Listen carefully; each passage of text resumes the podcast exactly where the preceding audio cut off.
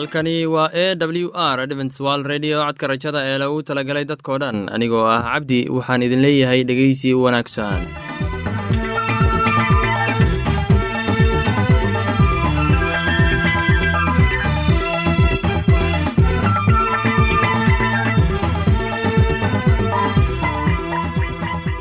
Barnaamijyadeena maanta waa laba qaybood qaybta koowaad waxaad ku maqli doontaan barnaamijka caafimaadka kadib waxaa inoo raaci doonaa cashar inaga imid bugga nolosha. Barnaamijyadeena maanta si wanaagsan unu dhegeysan doontaan haddii aad qabto wax su'aal ama tala. Iyo tusaale fadlan inala soo xiriir dib ayaynu kaga sheegi doonaa ciwaankayagu balse intaynan u guudagelin barnaamijyadeena xiisaa leh waxaad marka hore ku soo dhowaataan heestan daabacsan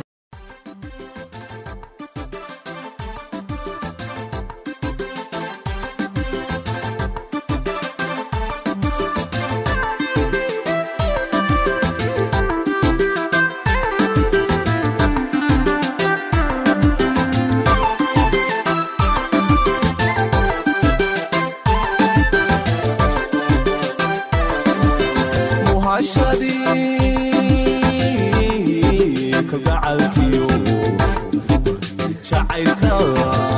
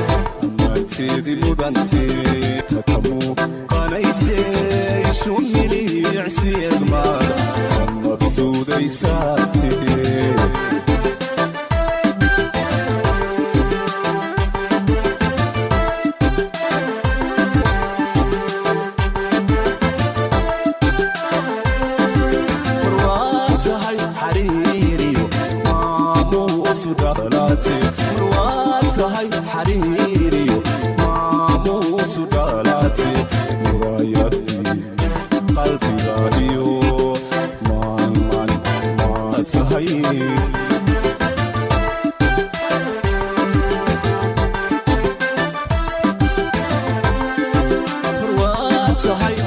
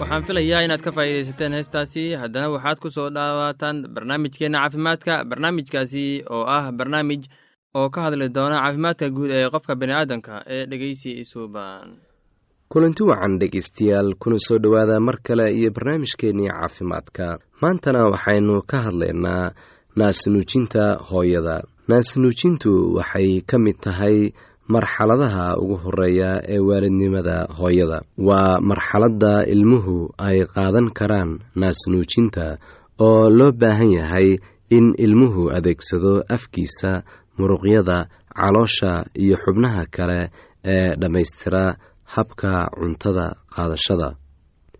Marka uu ilmuhu dhasho waalidku wuxuu hanuun u qabaa in uu ilmaha dhashay wixii karaankiisa ah u qabto waxayna noqon kartaa dhar gogol ama cunto.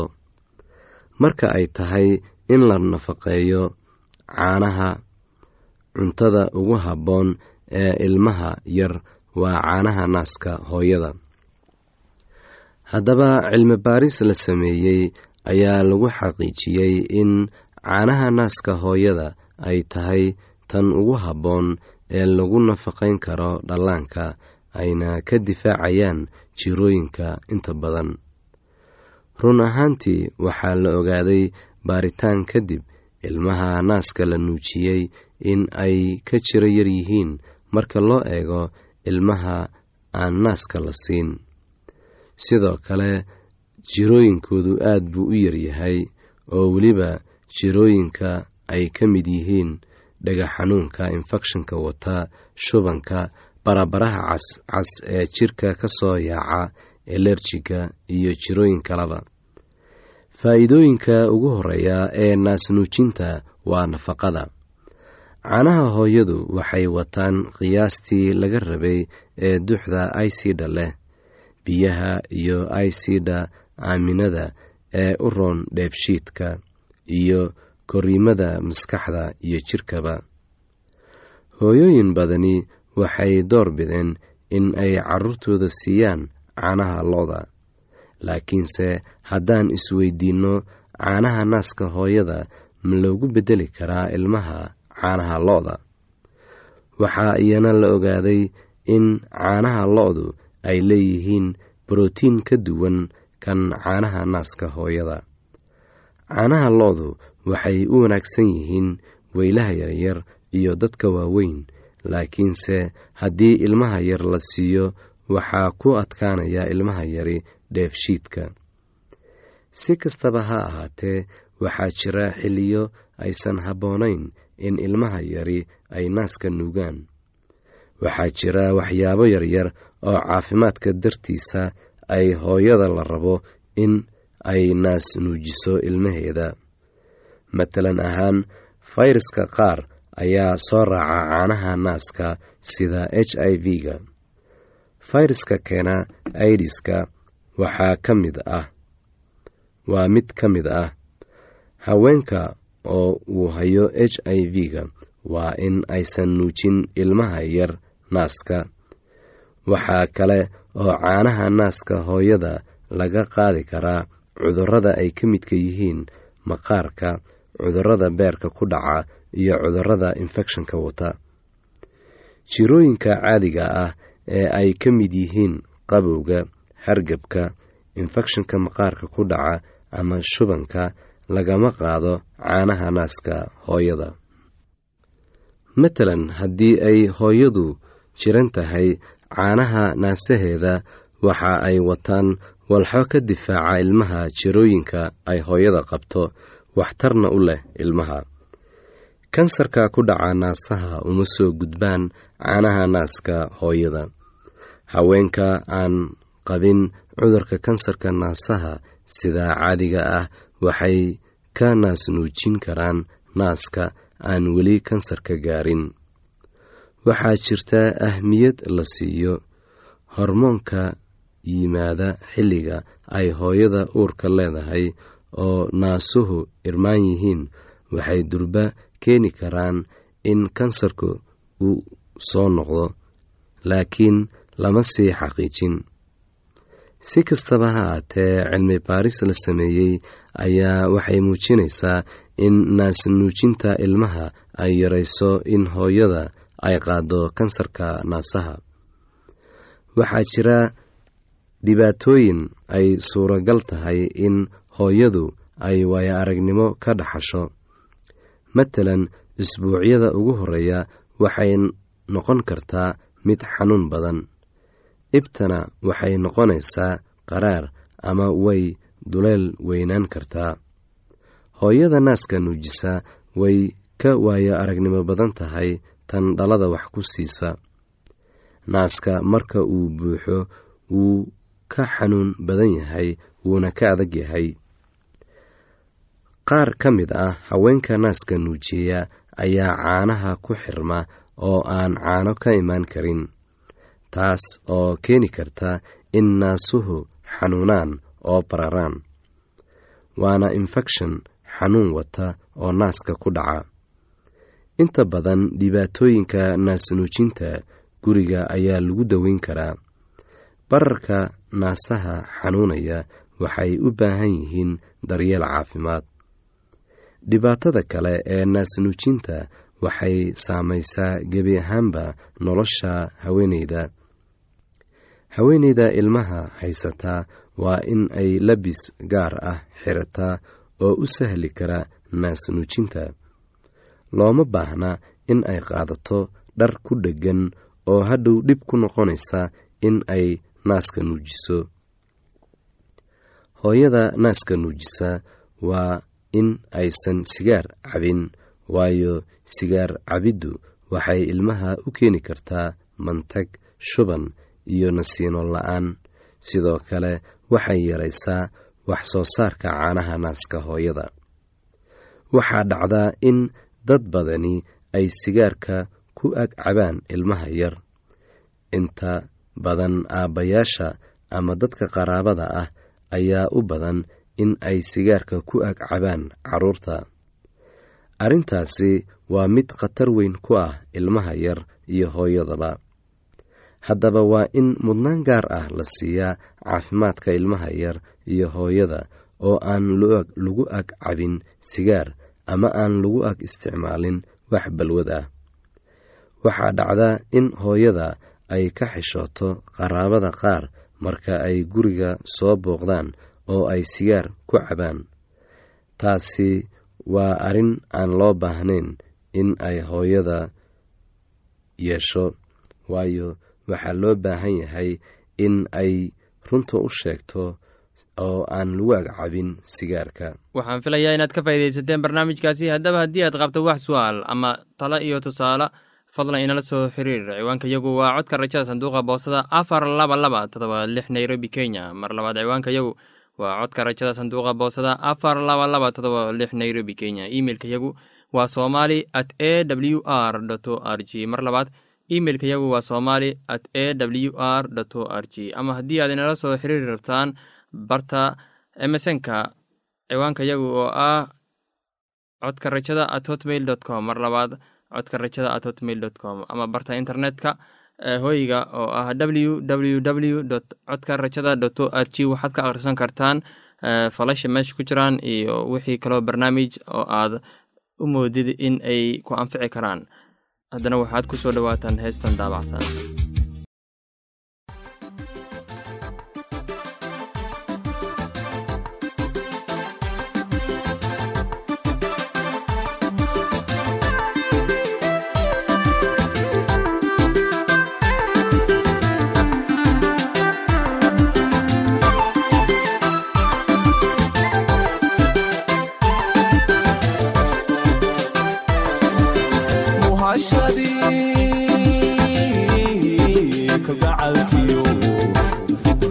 jacaylkaada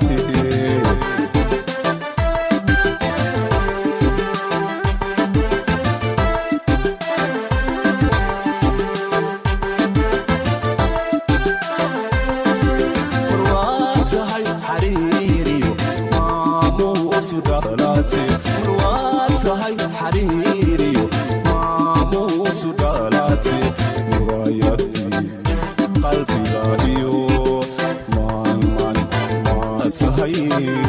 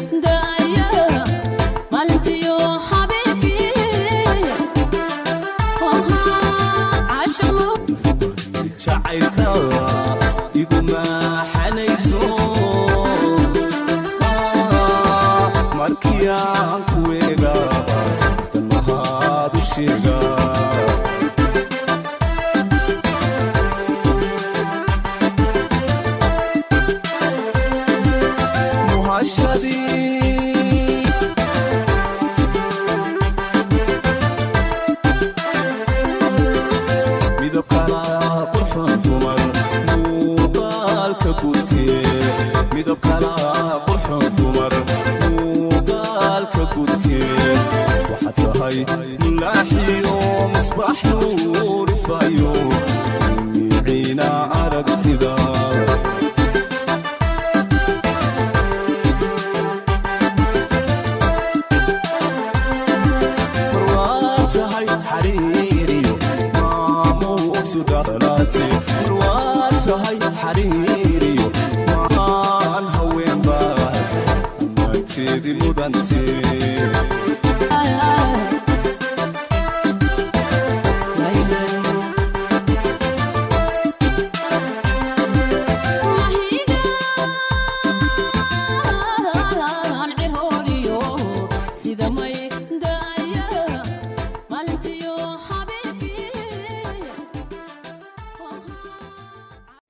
waxaan filayaa inaad ka faa'iidaysateen heestaasi. Haddana waxaad ku soo dhowaataan barnaamijkeenna kitaabka quduuska. Barnaamijkaasi waa barnaamij ee ku saabsan ereyada xikmada badan oo aan ka soo xulannay kitaabka quduuska ee dhegeysi wanaagsan.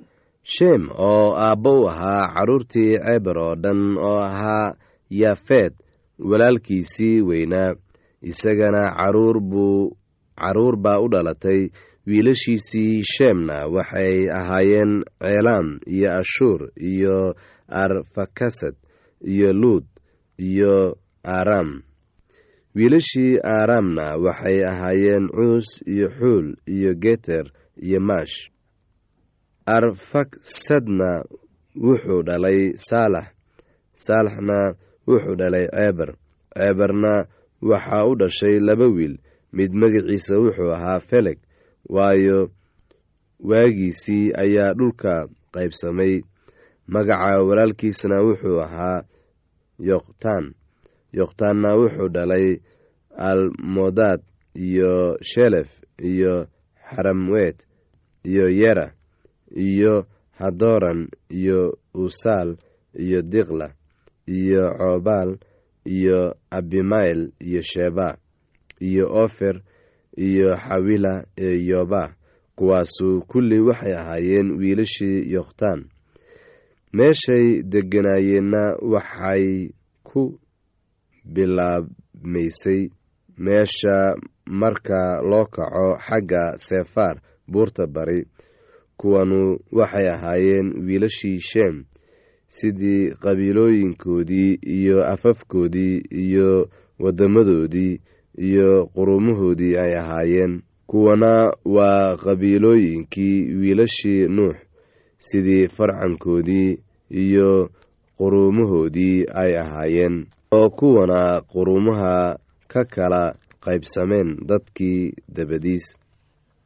Dhulka oo dhammuna wuxuu ahaa isku af iyo isku hadal keliya waxaana dhacday markay xagga bari u sii socdaaleen inay waddankii shincaar meel bannaan ka heleen oo halkaas ay degeen oo waxay isku yidhaahdeen inakeena aynu lebel samayne oo aynu aad u dhuubne oo waxay dhagaxa meeshiisa u haysteen leben nuuradda meesheedana dhoobo oo waxay yidhaahdeen inakeena aynu magaalo dhisanne iyo munaarad dhaladeeda samada gaadho oo aynu magac yeelano.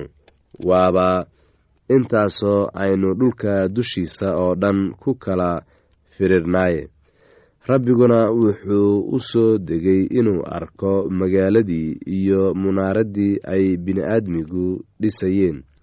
Oo rabbigu wuxuu yidhi bal eega iyagu waa isku dad keliya oo dhammaan isku af keliya bay leeyihiin oo waxaanuna waa waxa ay bilaabayaan inay sameeyaan oo haatan wax ka hor joogsan doona waxay damcaan inay sameeyaan ma jiraane. Inakeena aynu degne oo halkaas aynu afkooda iskaga qasne yaan midna midka kale hadalkiisa garanine. Kolkaasaa rabbigu halkaas ka kaxeeyey oo ku kala firdhiyey dhulka dushiisa oo dhan oo dhisidihii magaaladii way joogsadeen. Sidaas daraaddeed magaceedii waxaa loo bixiyey baabel maxaa yeelay halkaasaa rabbigu afkii dhulka oo dhan iskaga qasay oo halkaasuu rabbigu ka kaxeeyey iyagii oo ku kala fardhiyey dhulka dushiisa oo dhan. Kuwanu waa farcankii sheem. Sheem wuxuu jiray boqol sannadood oo laba sannadood oo daadkii ka dambeysay wuxuu dhalay arfaksad. Sheemna markuu arfaksad dhalay kadib wuxuu noolaa shan boqol oo sannadood wiilal iyo gabdhana wuu dhalay arfakshadna wuxuu jiray shan boqol iyo soddon sannadood wuxuuna dhalay saalax. Arfaksadna markuu saalax dhalay kadib wuxuu noolaa afar boqol iyo saddex sannadood wiilal iyo gabdhana wuu dhalay.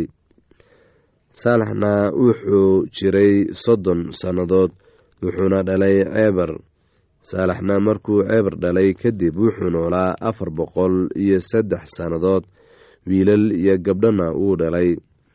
Ceebarna wuxuu jiray afar iyo soddon sannadood wuxuu dhalay feleg ceebarna markuu feleg dhalay kadib wuxuu noolaa afar boqol oo iyo soddon sannadood wiilal iyo gabdhana wuu dhalay. Felegna wuxuu jiray soddon sannadood wuxuuna dhalay ruuca felegna markuu ruuco dhalay kadib wuxuu noolaa laba boqol iyo sagaal sannadood wiilal iyo gabdhana wuu dhalay ruucana wuxuu jiray laba iyo soddon sannadood wuxuuna dhalay seruug. Ruucana markuu seruug dhalay kadib wuxuu noolaa laba boqol iyo toddoba sannadood wiilal iyo gabdhana wuu dhalay. Seruugna wuxuu jiray soddon sannadood wuxuuna dhalay naxoor. Serugna markuu naxoor dhalay kadib wuxuu noolaa laba boqol oo sannadood wiilal iyo gabdhana wuu dhalay. Naxoorna wuxuu jiray sagaal iyo labaatan sannadood. Wuxuuna dhalay teerax.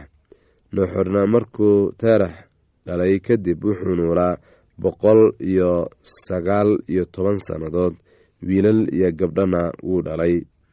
Teeraxna wuxuu jiray toddobaatan sannadood wuxuuna dhalay abram iyo naxor iyo haram kuwanu waa farcankii teerax. Teeraxna wuxuu dhalay abram iyo naxor iyo haram. Haranna wuxuu dhalay luut. Casharkaasi inaga yimid bugga nolosha ayaynu ku soo gogobeyneynaa barnaamijyadeena maanta. Halkaad inagala socotaan waa laanta afka soomaaliga ee codka rajada ee loogu talagalay dadkao dhan. Haddaba haddii aad doonayso inaad wax ka faa'iidaysataan barnaamijka caafimaadka barnaamijka nolosha qoyska ama aad doonayso inaad wax ka warataan bugga nolosha fadlan inala soo xiriir ciwaanka yagu. Waa codka rajada sanduuqa boosada afar laba laba todoba lix nairobi kenya. Mar labaad ciwaanka yagu waa codka rajada sanduuqa boosada. Afar laba laba todoba lix nairobi kenya. Imeilka yagu waa somali at a w r o r j mar labaad imeilka yagu waa somali at a w r o r j haddii aad doonayso inaad inagala sheekaysataan barta emesonka ciwaanka yagu oo ah codka rajada oo hal eray ah codka rajada at hotmail com ama barta hoyga internetka ciwaanka yagu oo ah w w w dot codka rajada dot o r g dhegeystayaasheenna qiimaha iyo qadarinta mudanow barnaamijyadeena maanta waa naga intaas. Tan iyo intaynu hawada dib ugu kulmayno